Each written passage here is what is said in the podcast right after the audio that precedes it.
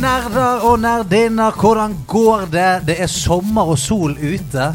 Men vet du hva? Gaming inne, gaming ute. Jeg gamer, jeg gamer hvor som helst. Jeg. Altså, Hvis jeg skal på hytten til min bestemor, så gamer jeg. Hvis jeg skal til Syden, så gamer jeg. Så jeg driter i om det er sommer, eller om det er vinter, eller om vi er i verdensrommet. Nerdelandslaget er her og skal preike litt om gaming. Eh, eh, ved siden av meg så har vi eh, eh, slags eh, Ja, jeg vet ikke. Gammel, haugammel Freddie Mercury. eh, Hasse Hope. Hei, og Captain Jack! Ok. Det er Freddie Mercury fra Wish. Det er via Freddie Mercury hjemme. Og den nydelige stemmen du hører der, Ida Hoppestad. Hello! Og eh, Skal i, nei. nei da. Iført en, eh, en splitter ny nederlandslag eh, en landslagsdrakt som ikke har, som ikke, han har ikke vasket den hele sommeren. Han stinker! En blanding av rekepill og gammel ræv. Det Nei, er men- Andreas Hedemann. Tusen takk for det. Sebastian Brynestad sitter ved min side. Han bare lukter sånn hver dag. Jeg synes dette er inkluderende. I dag, folkens, i dag så, eh, så er det min tur til å nerde ut litt. Oh yes. Og, eh, og det med et spill som jeg har gledet meg kjempemye til, Ja. og som til de grader har stått til forventningene. Ja, fordi vi rakk jo ikke å få til en anmeldelse på Final Fantasy 16 før ferien. Ehm, så Nei, derfor blir det det i stedet en slags ordentlig samtale rundt spillet. Og så kanskje du kan avslutte til slutt med en slags midlertidig karakter. Ja, ja for at Anmeldelsen vil jo da eh, mest sannsynlig komme på nettsiden da, i hvert fall i løpet av Ja. sommeren. Ja, for du har begynt å eh, skrive og sånn? Ja, ja, Ja, men helt gulleriene! Så Da, da trenger vi ikke å spoile karakteren heller. Da- hvis Ja, jo da, kan man. Det er sommerspesial. Det må være noe spesielt med det, tenker jeg. Oi, oi, oi. Eh, okay, ok. Nei, men ok. Kan jeg i hvert fall begynne med å si Ja, hva er inntrykk? Kjør på. Ja. Jeg, må bare begynne med å si at det er kanskje det kuleste spillet jeg har spilt på de ti siste årene. Oh! Ja. Og det er Men sant? Igjen, disclaimer. Jeg har eh, eh, bilde av Cloud Strife i taket mitt eh, hjemme. Så det er disclaimer. Det Ja. kommer fra en som elsker Final Fantasy. Eh, synger nattasang med Final Fantasy-sanger. Eh, så jeg er jo veldig veldig glad i det. Men jeg tenker at det også betyr jo at eh, jeg, har- jeg har strenge krav til det. Ja, ja, for det, du, dette sier du altså i et år hvor Tears of the Kingdom har kommet, Ja. hvor Diablo 4 har kommet, Ja. Og ikke minst så sier du det eh, i et tiår der hvor Apex Legends har kommet, som du har brukt veldig mye tid på. ja. Gollum-spillet. Jeg orker ikke å høre mer om det. Det har stjålet all livsgleden min. Åh, det er sånn, jeg, har ikke, jeg har ikke spilt et sekund, og jeg hater det allerede.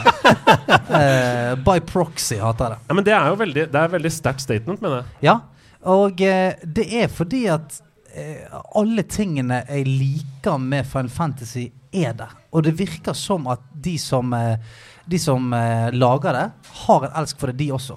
For det er så mye sånn eh, små kjærlighetsbrev til serien hele tiden. Overalt. Og, og det er veldig eh, Mye av det er, er sånn Se her, vi har laget et kjærlighetsbrev. Men 90% er sånn Hvis ikke du vet, så vet du ikke det. Sånn, du, ja, kjør. Er bare et spørsmål. eh. Mm. Jeg, har- jeg har veldig lite forhold til Final Fantasy. Ja. Men er det ikke litt i, sånn småironisk at et spill som heter Final Fantasy Kommer da med 16 spillet. Jo, det er aldri Final Det, ja, det, det lenger. Vil, vil, det siste spillet hete The Final Final Fantasy? Ja, men det er litt sånn som a-ha, da. De, de har uh, comeback-tur én gang i året. Ja. Jeg liker at det er det første bandet du tenker på. A-ha, ja. Ja. ja. Du holder norsk målestokk. Ja, opplevelse vet du. Hei hå, hei hå. men du sier, du sier, at det har veldig mange av de tingene du elsker med Final Fantasy. Har du noen eksempler på det? Ja, men det er sånn uh, Final Fantasy har alltid vært Og det, det kan være at uh, folk som har kommet til serien ti, altså nå i nyere tid, som kanskje ikke eh, på en måte vet eller føler det, men det har alltid vært en sånn eh, politisk schwung over det. Det har alltid vært liksom du enten Det er en motstandsbevegelse. Ja. Det er eh, et korrupt system som du fighter mot. Det er en eller annen tyrann. Er det, et, eller det er alltid noe sånn eh, eh, intrikat eh, Et intrikat plott der hele tiden. Og det, ja, Ja, nei, nei, jeg bare lurer på det- Fortsett. Det er nok for å avbryte deg. Jeg rakk opp hånda. Ja, men, det pleier som oftest å bety Jeg har lyst til å si noe. Ja, Så jeg, eh, ja. før Ja, ja. Ja. Mm. Politisk intrikat plott osv.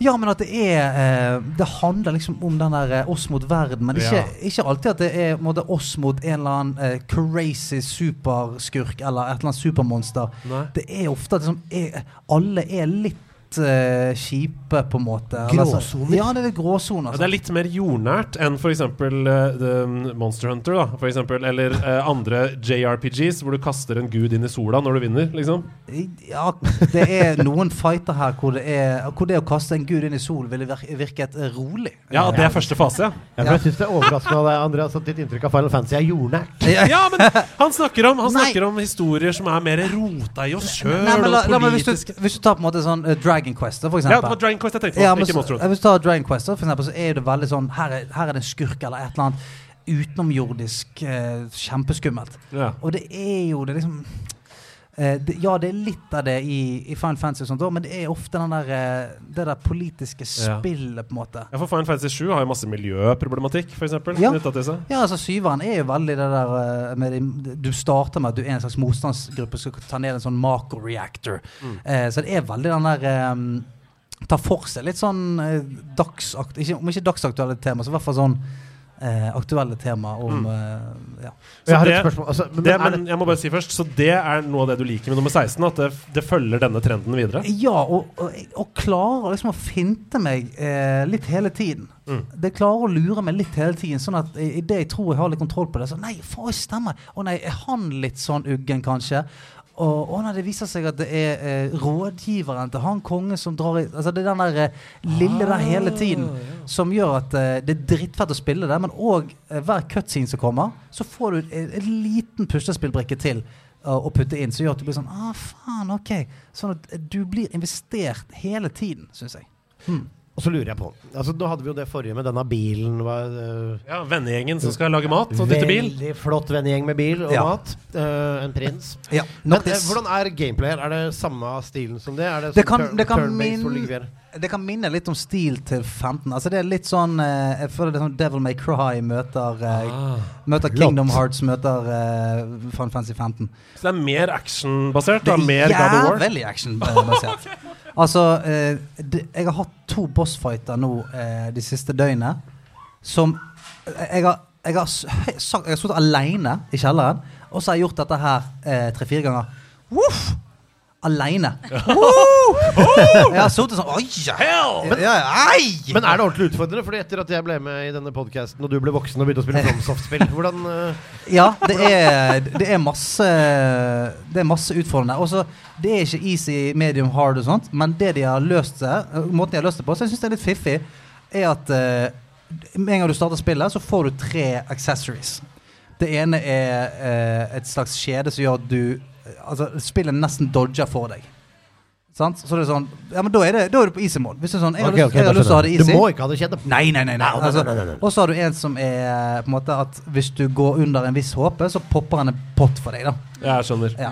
Ja, Sånn som Fairies da, i Tears of the Kingdom. Ja. Hvis du dør, så dør du ikke likevel. Fordi Nei, det så da popper en- popper han en greie. Så- Og, og så har du en, Juks. Juks. ja, men så har du en tredje, så du kan på en måte regulere det. Jeg, jeg har jo ikke noen av de på, men det betyr at hvis du, hvis du syns at å, dette er drittvanskelig, men jeg har lyst til å spille det, så popper du på et par av disse accessoriesene, Ja. så Ja, det er hjelper bra. det litt. Så det er tilgjengelig for de fleste. Ja, det er det.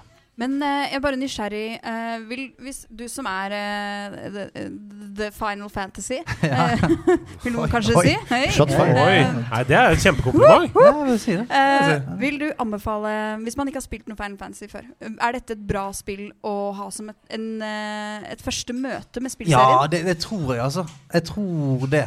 Eh, Ja, fordi alle Final Fantasy-spillene er jo avsluttende historier. Ja. Bortsett fra eh, 10 og 10-2, for Ja, eksempel. men så har de jo Altså Det som er så gøy med det, de har eh, gjengangere overalt.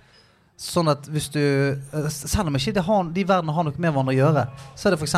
den samme type karakteren. da F.eks. karakteren Sid er, Ja. er i alle eh, Final Fantasy-er. Men, i, altså, så, men i forskjellig form, på en måte. da Mm. Men har litt den samme rollen som er en sånn eh, ja, motstandskar, Mm. eh, rett og slett. Så det er, er det er mange sånne småting som gjør at hvis du følger serien, så kjenner du igjen typene, eller eh, Ja, og så er det litt sånn de samme mytologiske eh, eh, skapningene.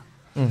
Men, har... men Stian, Mm, hvis, ja. dette, eh, hvis dette spillet er eh, det beste spillet du har spilt på ti år Ja, det kuleste jeg har spilt. Hvis dette spillet er det kuleste eller kanskje beste spillet du har spilt Ja. de siste ti årene, Ja, eh, hvor havner det på din eh, topp ti-liste of all time?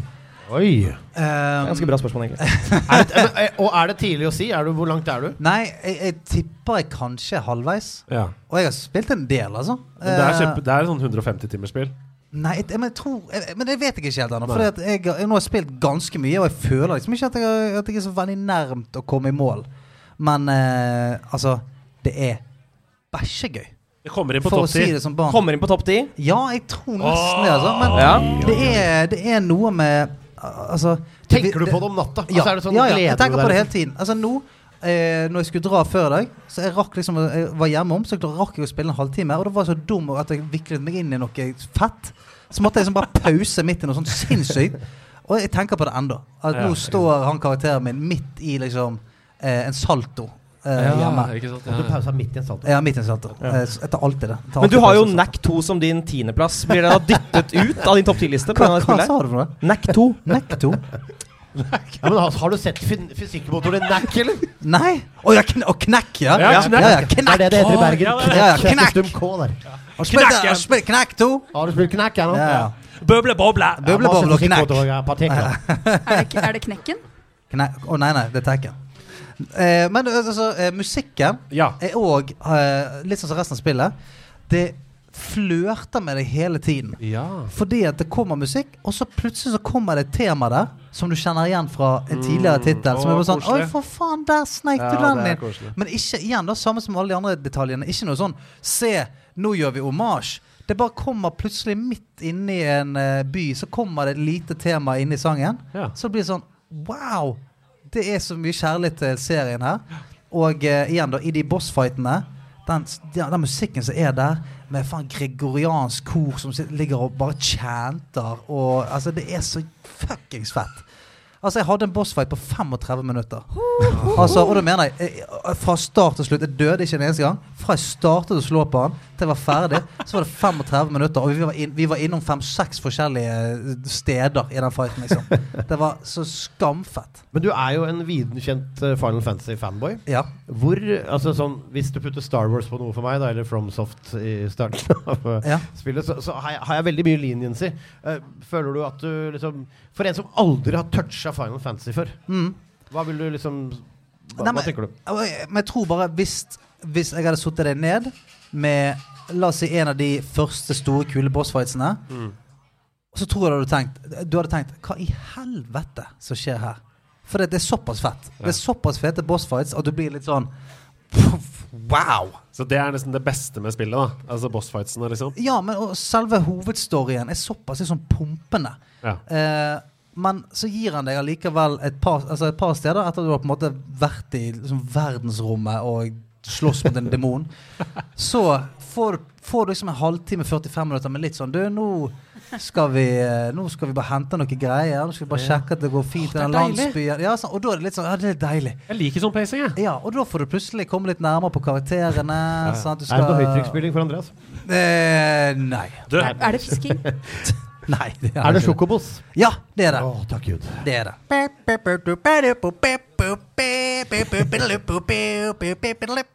Alle sammen. Uh, jeg, har, jeg har noen andre spørsmål her. Uh, hvordan skiller dette seg fra tidligere spill i serien? Altså Hvis man f.eks. falt av Final Fantasy-toget på 10, da. Jeg vet jeg sa 10-1 og 10-2 i stad til alle Final Fantasy-fans. Jeg vet at det ikke er det. Det, det er vel 12-1 og 12-2? er nei, vel- nei, nei, X og X2. Det er det! Det er Ja, X og X2. ja. Åh, bra! Ja, så er det riktig stad. Da Ja, klipper, ja, ja. klipper vi ut dette. Nei, nei, nei, du beholder det. Ja, det. Behold uvitenheten din, og lær av det. Hvordan skiller dette seg fra tidligere spill? Nei, altså uh, Det er jo mye av uh, Altså, det er mye av den combaten, da, uh, Ja. syns jeg. De følger de fleste formlene gjelder bra, syns jeg. At Mm. de på en måte De går ikke vekk fra alt som har funket. Men så har de altså voldsomt tempo. Noen vil sikkert si at det er liksom for mye tempo i Ja, fightingen. For du, du tilegner deg altså hele tiden nye skills hele tiden. Så på et tidspunkt så har du liksom seks skills du kan bruke hele tiden. Da. Så du skyter faen med flammer og lyn og driter steiner ut av ræven i et helsingens tempo eh, på et tidspunkt. Sånn at eh, skjermen din kan få Altså, min kone så på i fem minutter, og hun bare hvordan ser du hva du gjør på? For det er bare det er røyk og lyn og folk Folk inni en virvelvind som jeg står og skyter på med flammekuler. Og hun er bare, hun, hun bare Dette kan ikke jeg se på engang. Men hva, hva er heispitchen på storyen her? Hva handler det om? Eh, heispitchen Ja, OK. Eh, storyen er jo Verden er eh, veldig sånn På grunn av at gudene har liksom straffet menneskeheten eh, for dets ja, det er liksom en fyr som har utfordret gudene, da, og så pga. det så, så var straffen at ok, noen blir icons, nei, dominance, mener jeg. Som det betyr at de kan inneha eh, gudelige krefter. Men det er kun åtte som kan på en måte eksistere på, eh, på et tidspunkt. Og, og så er det mange som får eh, magiske krefter, men som er på en måte sett på som som eh, det, det lavligste av det lavlige. Altså bearers. Det er liksom slavemat. Så jeg vil si at uh, i alle de velstand uh, det, altså, uh, Overalt der det er velstand, så er det skikkelig altså, ekkel sånn slavevirksomhet for disse folka. De har magi i seg, og når de har brukt den opp, så blir de på en måte til stein. Da, på en måte. da er de døde. Så disse blir jo selvfølgelig tvunget til å utøve magien sin Ja. for å på en måte fuckings varme opp badekar og holde lys i gatene. Oi. Og så dauer de, og så er det bare sånn sparke de, få de vekk. Nå har de brukt seg opp. Og, og når du gjør noen av sidequestene, så får du altså så jævlig vondt i magen. Ja. For de klarer å male det bildet der av hvor, hvor verdiløse disse menneskene her er for dem. Altså, Dette, men dette minner egentlig ganske mye om noen av tematikkene i Citizen Sleeper også, som var et av mine favorittspill Ja. i fjor. Mm. Så dette er i tiden, altså, om dagen. Den er derre- den derre u... Hva skal jeg si Umoralske utnyttelsen Ja. av på en måte arbeidene på en eller annen måte, da. Mm. eh, I, og, satt i en magisk setting. Ja. Hvis du skal si noe om helt til slutt, før vi runder av og går videre til korktavle og sånn, Ja. hva er det verste med dette spillet? Altså Hvis du må trekke fram én ting du skulle ønske var annerledes? Um, nam, nam. Eh, det verste med spillet her Hvis jeg skulle trekke fram én ting, da, så er det sånn i begynnelsen Og dette er det som er, kan være greit å vite for alle som har lyst til å spille og hører på. I begynnelsen, Når du begynner med Sidequest helt i begynnelsen, så tenker du hva i helvete lagde de alle disse sidequestene på mandagen før release? Fordi at det er så Det er virkelig så uh, helt, helt nedpå. Ja. Du, hadde du orket å bare stikke bort og si til han at jeg er her borte? Oh, ja. Ja. Okay. Det, men det er typisk sånn. Kan du si til han at jeg, jeg, jeg rakk ikke å gi beskjed til min mor at jeg er ute i skogen? Kan du gi beskjed til min mor? Men så, sier, så, går du til mor og sier du han er ute i skogen. Sier hun tusen takk, Quest complete. Så hva faen? Og får du da så får du sånn triumfscene sånn du, du, du, du du du Nei, heldigvis ikke. okay, men, uh, uh, men så skjønner du etter hvert at dette her er små malestrøk som til slutt så ser du hele bildet. ja. Og da er du jævlig takknemlig. Så nå har jeg liksom nå plutselig gjort kanskje 25-30 Sidequest. Ja. Og nå er det sånn Nå skjønner jeg jævlig godt hva de holder på med. For nå, overalt du går, så skjønner du på en måte alle de små connectionsene. Hvorfor ting er som det er. Sånn at det, jeg anbefaler alle å gjøre alle sidequestene. Er det mitt sommerspill i år, Stian? Ditt ansvar? Ja. Ja. Er det alle sommerspill i år? ja. ja, det vil si. Shots fired! Nei, fuck, shots fired. Anmeldelse i nerdelandslaget. Det stemmer! Vi skal uh, lytte til en anmeldelse i nerdelandslaget, for jeg har nemlig spilt Crash Team Rumble! Rumble! Der noen av bossfightene kan vare så lenge som i 35 minutter, altså. Det er helt Nei, Nei, det er vel et Er det ikke et Frankensteins monster av alle Er det gråsoner i hva de forskjellige karakterene vil? Nei da, men Nei. jeg har spilt i over 20 timer, for så gøy er det. Så nå skal dere få høre hva jeg syns om det. Et av spillselskapene som virkelig har overraska meg positivt de siste årene, er det amerikanske selskapet Toys for Bob. Jeg forbandt i utgangspunktet Toys for Bob hovedsakelig med å pushe ut en hel haug med middelmådige lisensspill, sånn som Tony Hawks Downhill Jam, Disneys Extreme Skate Adventure og Madagaskar Escape to Africa, og for å stå bak cashgrabben Skylanders, og var derfor helt uinteressert i dem som spillskapere. Men i 2018 så sjokkerte Toys for Bob både meg og verden, da de samme år ga ut de to eminente remakesene Crash Bandicoot Insane Trilogy og Spyro Reignited Trilogy på samme år. Seks spill! Seks remakes som var laget med så åpenbar kjærlighet til originalspillene at Toys for Bob rett og slett vant meg over som spillskaper. Når de så slapp det eminente Crash Bandicoot 4, It's About Time, i 2020, så var det ikke lenger noen tvil. Crash Bandicoot-serien var i trygge hender hos Toys for Bob. Nå er deres neste spill satt i Crash Bandicoot-universet her, og det er noe så ambisiøst som en helt ny IP, Crash Team Rumble. Et spill stappfullt med kreativitet og overskudd som tar de kjente og kjære figurene fra Crash-universet og leker med hva som ville ha skjedd dersom du heide på dem og styrte dem i kamp mot andre, istedenfor å kjempe mot dem som Crash eller Coco. Men lander de støtt på beina med Crash Team Rumble, et spill som har så mange ideer at det muligens kan virke for mye? Ja, stort sett.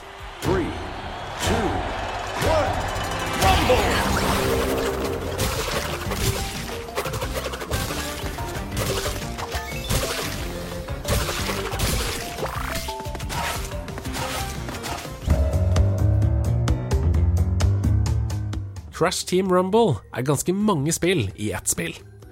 Se for deg at du lager en slags forenkla versjon av Smash Bros, der karakterene har mange færre moves, kombinerer det med noen av Moba-elementene fra Pokémon Unite, putter på plattformspillelementene fra Crash Bandicoot og setter det hele i en slags Quake-aktig arena-shooter, kombinert med rolle- og lagspilltaktikkeriet fra Team Fortress 2. Og du har Crash Team Rumble. Det høres komplisert ut, men det kan på overflaten forklares ganske enkelt. En kamp består av et rødt og et blått lag, med fire spillere på hvert lag. Det laget som først klarer å samle sammen 2000 Wompa Fruit på et map, vinner. Enkelt og greit. Men det er når du dykker ned i hvordan dette gjøres, at det begynner å bli gøy. Før kampen starter, så må alle fire spillere på laget velge seg hver sin rolle, og av dem så finnes det tre forskjellige. Du kan enten være en scorer, som har som hovedansvar å samle inn Wompa Fruit og levere i lagets base, en blocker, som har som hovedansvar å hindre motstanderlaget fra å score, eller en booster, som er en veldig interessant supportrolle, der du hovedsakelig skal søke gjennom kartet etter relics, som låser opp oppgraderinger for ditt lag. Har du en dyktig booster på laget ditt, så kan det i stor grad vippe kampen i ditt lags favør. Alle disse rollene har flere ulike spillbare karakterer under seg, som du kan oppgradere etter hvert som du spiller dem, og få tilgang til flere ultimates per karakter. I scoring-rollen så kan du velge mellom Crash Bandicoot, Tona og Catbat. I blocker-rollen så kan du velge mellom Dingodile, Embryo og Tropy. Og i booster-rollen kan du velge mellom Coco Bandicoot og Neo Cortex. Flere karakterer er på vei, annet Ripperoo og N-Gin. Men la oss snakke litt mer om selve gameplayet, for det er ikke bare å score flest Wompa Fruits og ferdig med saken. Det er litt dypere enn som så. Wow, getting down to the wire. Allied force.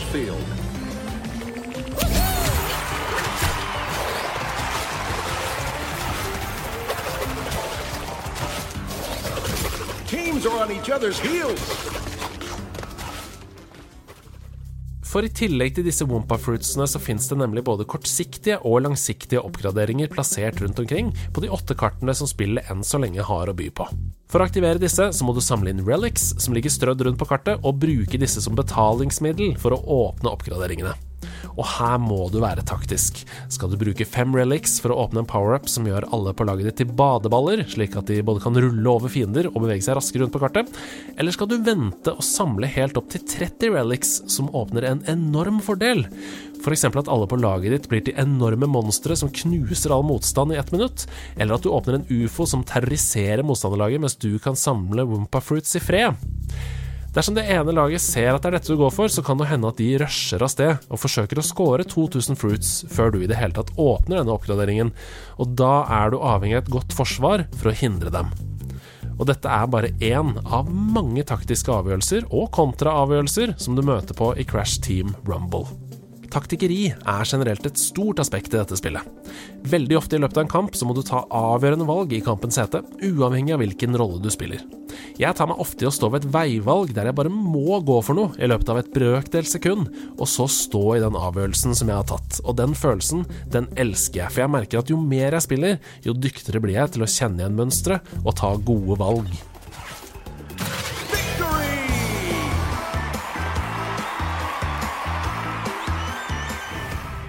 Som du har forstått nå, så er Crash Team Rumble mange spill i ett spill, men én ting er sikkert. Er du god i plattformspill, har du en fordel her.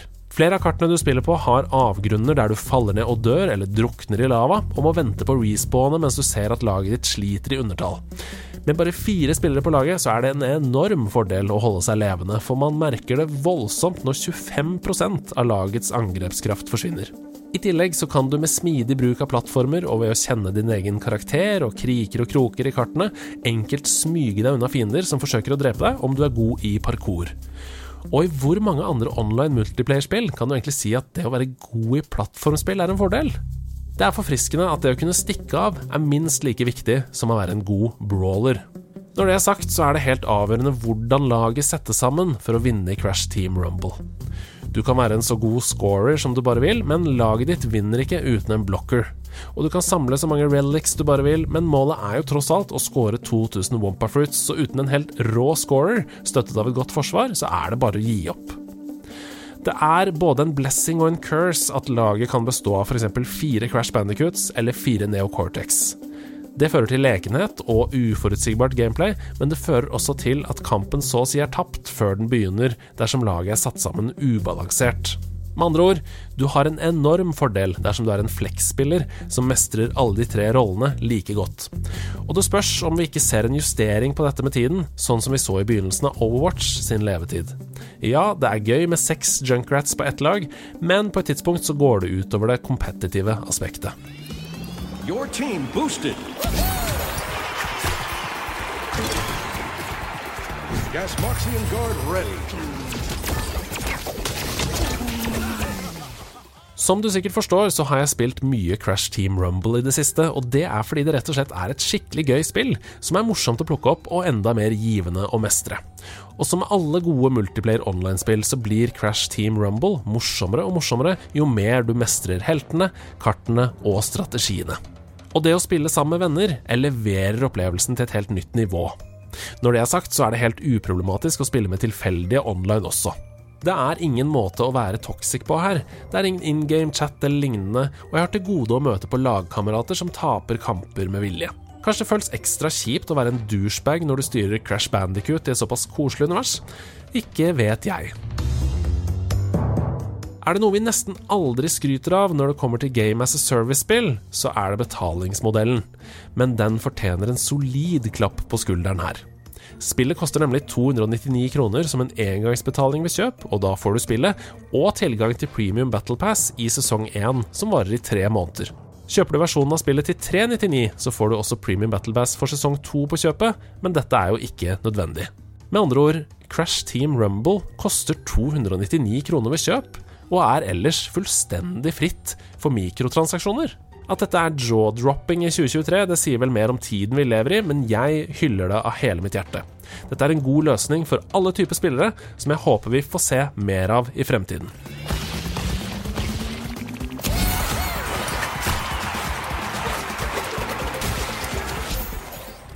Så er det bare fryd og gammen her? Nei da, det er noen ting. Og som med hele Crash Bandicoot-universet, så er det en litt masete vib over hele spillet. Musikken i menyene er gøyal i begynnelsen, men kan få den sindigste buddhistmunk til å klikke etter de første ti timene. Og det er enn så lenge kanskje litt få maps, litt få karakterer og litt for få game modes. Nå er dette spillet nettopp sluppet, og ettersom Toys for Bob og Activision legger opp til at dette er et game as a service med Battle Pass som skal støttes lenge, så er det klart at det har noen mangler ved release, som jeg er sikker på at vil bli justert med tiden, men det er såpass markant at jeg nevner det som en bekymring. Det er f.eks. individuelle levels for karakterene, som gjør at du føler progresjon, men jeg savner et kompetitivt rankingsystem. Levels sier egentlig bare noe om hvor mye du har spilt, ikke hvor god du er. Jeg er også litt bekymra for det nevnte Battle Passet. I skrivende stund så er det 80 dager igjen før det resettes i ny sesong, og jeg er allerede halvveis i de 100 levelsene som finnes der. Det kan med andre ord fort bli å trå vannet i 60 dager dersom dette fortsetter, men det er vanskelig å trekke noe for akkurat i skrivende stund. For fundamentalt så er Crash Team Rumble rett og slett et skikkelig solid online multiplayer-spill som jeg har hatt det knallgøy med i over 20 timer, og jeg kommer ikke til å slutte med det første. Det er et variert og morsomt slåsseskyteskåre-oppgradere-plattformspill med enorme muligheter for utviklerne til å støtte. Her er det bare å pøse på med nye karakterer, nye modes, nye kart og nye ultimates. Jeg ser ingen grunn til at ikke hovedspillet kan utvides med en helt egen Rocket League-aktig fotballdel, eller at Crash kan få sin egen Endless Runner, altså en slags fun run-variant, som et midlertidig event inne i Crash Team Rumble. Overall syns jeg Crash Team Rumble er et veldig, veldig lovende spill. Det er gøy for de som liker å knuse trynet på andre online, det er gøy for de som liker å samle og score og unngå alt av action, og det er gøy for de som liker å pønske ut innfløkte strategier og overraske fienden med en enorm power-up som snur kampen i din favør. Crash Team Rumble er rett og slett et overraskende gøy spill, som jeg håper fortsetter å være gøy, og som hadde godt av litt mer innhold, og som er litt ubalansert. Derfor får det 82 av 100 Hedemenn, og er med andre ord allerede nå gøy nok til å anbefale til alle som er glad i adrenalinvekkende online-opplevelser som Overwatch eller Team Fortress 2.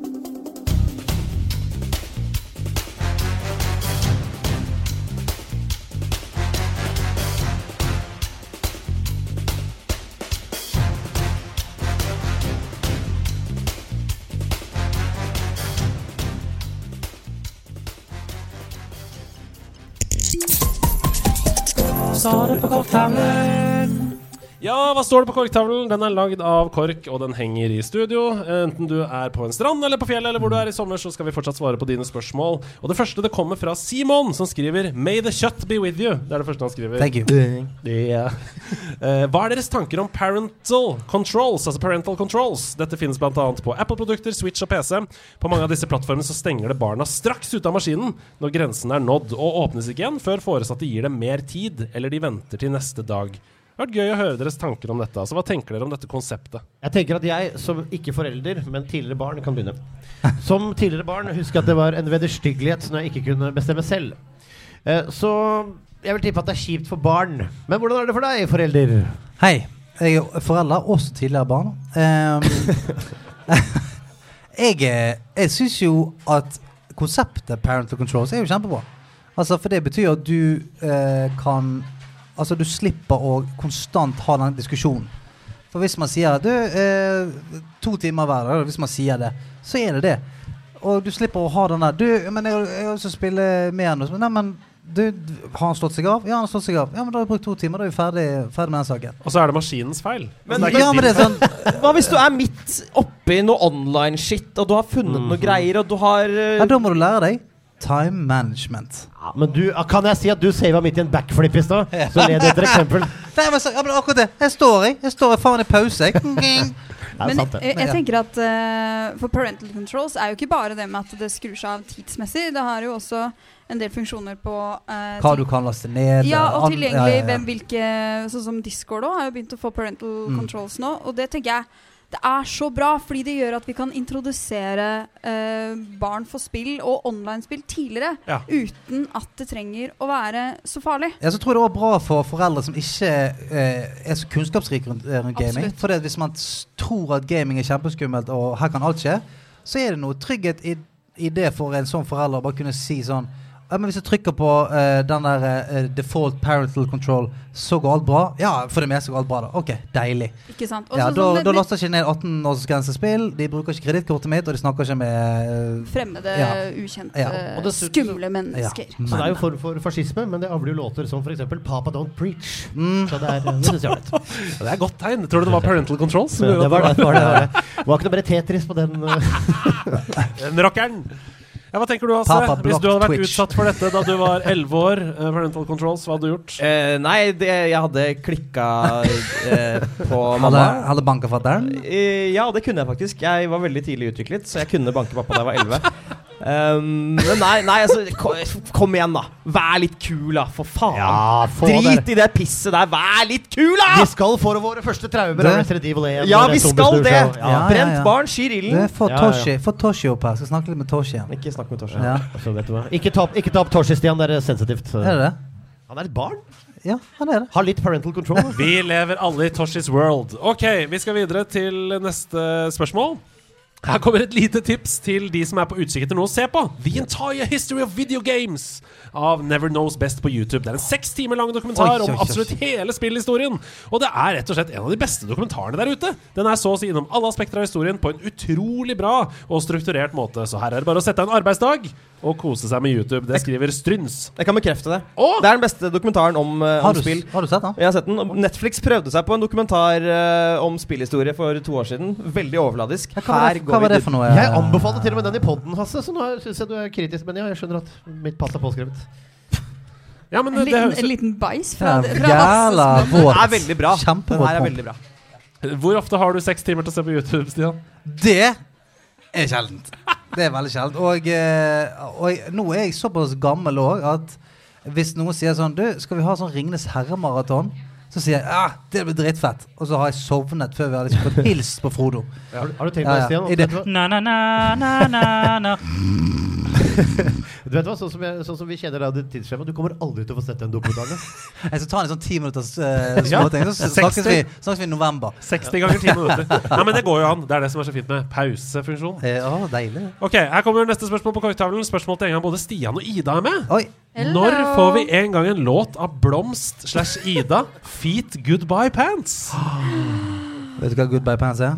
Oh yes. Det er deg og Mr. Nilsen, er Ja, det ja. Når? Mm. Får vi den låten, da? Nei, det er, jo, det, er jo, det er jo opp til deg. Kan du eh, her og nå Mm. si at vi skal lage en sånn låt sammen? Vi gjør det. Skal vi, ja, men, klarer du det? Jeg tar meg over. tar hverandre i hånda! Da er det gjort. Da Det er det kommer til å bli helt Og de har samme Og eh, du vet hva den største hiten vår heter, sant? Flowers on the Moon. Oi. Mm. Ja. Det må jo være Å, herregud, dette gleder jeg meg til. Ja, det blir veldig bra. Ok, her er neste spørsmål. Det kommer fra Stian. Diablo 4 er helt rått. I 2001 så kom det Diablo-like. Throne of Darkness. Er det noen som har prøvd det? Det anbefales virkelig, skriver Stian. Tot? Throne of Darkness. Todd. Todd? Ja. Todd. Eh, nei, jeg har ikke hørt om det. Ikke Hasse? Ikke jeg heller. Har hørt om det. Eh, Stia, Ida? Nei. Men, nei, ikke jeg heller. Er det noen på House of vi skal vi ta Nerds? rundt Kan noen gi en tommel opp eller tommel ned på dette spillet? Har noen spilt Throne of Darkness? Det er ingen som har spilt Throne of Darkness Darkness. må jobbe litt med pro De er- jobbe litt med prom promoteringa si. Jeg tenker, Stian, eh, 2001, la det året ikke bare bli kjent for The Twin Towers Fall lenger. Uh, spre Throne of Darkness utover hele den norske Ja, men land. er, vi, er ikke vi ganske sikre på at det er ferdig, det spillet? Throne of Darkness er kanskje Kommer til å prioritere nyere spill. eh, ja, jeg har to. Hvis jeg må velge Nå har jeg plutselig Nå har jeg seks timer YouTube i backloggen. Kommer nye spill til høsten. Jeg kan ikke spille Throne of Darkness fra to, Jeg kan ikke spille Throne of Darkness fra 2001! Er du Ja, og, og jeg er usikker på om jeg får til det gjennom parental control. Ok, Ole Amund han spør Vi spør dere ofte om det beste spillet, og dette her vet jeg du har et uh, svar på, Sebastian. Men hva er tidenes dårligste for dere? Nacho Libre på 3DS. Libre på 3DS. Er det ikke Big Rigs? Red Dead Redemption 2, tenker du? Er det ikke eh, Gollum? Det er ikke tidenes dårligste spill. Det er ikke det. Det har gått sport i det nå. Ja. Ja, men altså, Av det jeg har spilt Gollum, kanskje? Altså, det er fordi Oi. Problemet mitt med Gollum er at det, det er så lett å finne et spill som bare er søppel for søppel. Ja. Og Gollum er et stykke Altså, det- det arbeid som bare være er et- møkka fucking kjedelig, ass! Det ligger Det er- det er nederst det gjør meg så Det forbanna! ligger nederst på Metacritic av alle spill utgitt i 2023. Det ligger på 197.-plass eller noe sånt. Det er helt psycho. Det ligger helt sist. Ja, men, sittet- altså, de, har hatt en, vet du hva, de har hatt en fest de, når de uh, var ferdig med det spillet. De har jobba hardt med det, for det er jo et, noe der. Tenk deg når de satt der Skål, dere, vi er ferdig med spill. Ja. Skal vi bare gå hjem, eller? Skal vi Ja, det er det siste vi hørte fra det spillselskapet. ja. Hva med deg, Hasse? Hva er det dårligste spillet du har spilt noensinne? Uh, Ukulele. Oi! Nei! Er du, helt seriøs? Uh, Er det det, ja. Men det er er det, det dårligste du noensinne har spilt? Ja, men jeg har ikke spilt så mange dårlige spill. Jeg velger å spille bra spill. Ja, men du hadde, du hadde jo veldig store forventninger fordi Ja. Banjo Kazooie er så Ba- Banjo Kazooie er jo liksom på min topp 10-liste. Ja. Uh, masse forventninger, og så var det bare veldig kjedelig. Altså Det er jo liksom et fem av ti, fire av ti-spill. Så det er ikke et Ja. én av ti-spill, men det er bare jævla kjedelig. Ja, men De har prøvd, de også. ikke sant? Det er det som er problemet. De har prøvd å lage et spill, og så har de ikke fått det til. Og det er det irriterende. Har du noe, Stian? Uh, Altos Odyssey. Legenden Altos. Fantastisk spill. Ja. Det, altså, det, jeg trodde jo først det var sånn meditation-app. Eh, for, for folk som sleit med innsovning. Trodde Ja. jeg veldig lenge at det var. Men liker du ikke input-lag, eller hva er greia? Nei, men jeg, bare, jeg, jeg syns det spillet var For det, det, det var eh, ofte Nå har det vært noen ganger, sånn som når Andreas har sagt sånn uh, Vampire Survivors kommer til å bli uh, Game of the Year. Og så ser jeg en trailer på det, så tenker jeg Har han drukket, han har drukket maling. Uh, og så spiller jeg det, så er det dritgøy. Så jeg har hatt mange sånne opplevelser. Men dette Ja. var en opplevelse også, hvor det var sånn Må prøve alt hos Odyssey. Det er helt fantastisk. Så satt jeg eh, på den tiden husker jeg, på bussen og spilte det. Og så satt jeg og spilte det, og så spilte det, og så spilte det. Så tenkte jeg Er det kødd? Hvor Ikke er det mer enn dette jævla greiene her. En fyr på en planke i ørkenen og et langt skjerf. Og, og eh, Ja, det, var, det var reivende kjedelig. Hva med deg, Andreas? Jeg, jeg prøvde å tenke på det mens dere snakka her. Jeg Mm. kommer du liksom kan ikke få si alt du så det, sier du òg. Nei, men Jeg kommer ikke på noe sånn umiddelbart som er sånn Shit, det sto ut for meg. Det som er veldig sånn rett oppi bakhodet, er jo dessverre Forspoken, da, som jeg syns var helt forferdelig dårlig. Eh, men det er nok en gang litt sånn som du sier, at det handler om eh, forventningene. ikke sant? Det er et Triple A-spill, så fallhøyden er stor. Men det er jo ikke det verste spillet jeg har spilt noensinne. Um, hva annet er det av slakta i nederlandslaget sammenheng? Jeg syns du liker det meste. Uansett hva faen det skulle være. hoppingen, Nei, da, er- hoppingen Little Nightmare fikk kjørt seg. Du Ja. mente at, eh, Ja. at uh, Ja, forbrukerne burde samle seg utenfor kontorene til folk med høygafler og, og fakkel, for hoppingen var litt Ja. kødden. Nei, det var ikke kødden heller. Det er bare Git Good-spørsmål. Nei, Jeg har ikke noe sånt på stående fot, men jeg kan skrive til deg på DM Ola Amund når jeg kommer på et skikkelig skikkelig dårlig spill. Vi tar det siste spørsmålet her, og det er fra Nico. Han skriver Jeg har endelig kjøpt meg en blytung Switch. Ja. er Nintendo Online verdt å kjøpe? Ja! Ja! Hva det koster Ja! 19 kroner i måneden? Det koster 500 i året. Er det Det er dyrt? jo ingenting. Nei, det er 25 kroner i måneden! Ja, det er Det er under det. Det koster 499 for et år med Nintendo Switch Online. Ja, men det er, jo, det er jo ikke 25 kroner i måneden, eh, min unge mann. Nei, det er mindre enn det. Det er mer enn. Det Ja, mer. det er mer enn det. Ja, Ja, nå tenkte jeg at det hvordan i var all 24 verden? måneder i året. Det er veldig bra. Herregud. Nils Henrik Abel, du her. Det- Men det er 40 kroner i måneden. Det er det. Ja, det kan det være. Nei, det er 480, det. Nei, 42? Nei, rundt der, da. Ja, Det stemmer mellom 40 ja. og 45. Det, Nei, men du, det er billig. Ja, men du har, eh, du har jo tilgang til å, altså Nintendo 64, Super uh, Nintendo, Nintendo altså det er, Til og med Game Boy Advance. ja, det, det er det er skamfett. Det er Det er masse, Det er en masse, bra, no-brainer. masse bra retrospill, og du har også tilgang til åpenbart å spille online. Altså spille online-spill med andre på Nintendo Switch. Og Mm. det er jo litt sånn eh, PlayStation Plus er den samme funksjonen, men hvis du tar det bare bones-abonnementet på PlayStation Plus bare for å få lov til å spille online, Mm. så koster det det samme, og du får ikke noe inkludert. Det er kult spill, det også, faktisk. Bare Bones. Det er det er Nei, så jeg, jeg tror jeg må, alle her er vel enige om at det er en enormt god investering. Ja. Investering vil jeg ikke si, for du får ikke så mye avkastning, men du får mye gøy. Jeg tenker at De to beste tilbudene av sånne utgift. ting nå, det er GamePass på Xbox og det er Nintendo Switch Online på Mm. Nintendo. Det er de to beste. Skjerpings til PlayStation. Ja, faktisk skjerpings. Ja, for de, de tar jo vekk altså de, de går andre veien. De bare tar vekk masse ting. Og med det har vi kommet til veis ende for Ja. Korktavle spesial nummer to. Ja, Og da avslutter jeg bare med å si at uh, Final Fantasy, det er porno. Det er, hvis du liker Final Fantasy, så er det rein porno. Du må ikke si det, for da kommer du ikke gjennom parental-blokken. sant? Mm. Pron. Det er rein pron. Det er rein pron. Ja. OK, kjøttet går! Kjøttet går!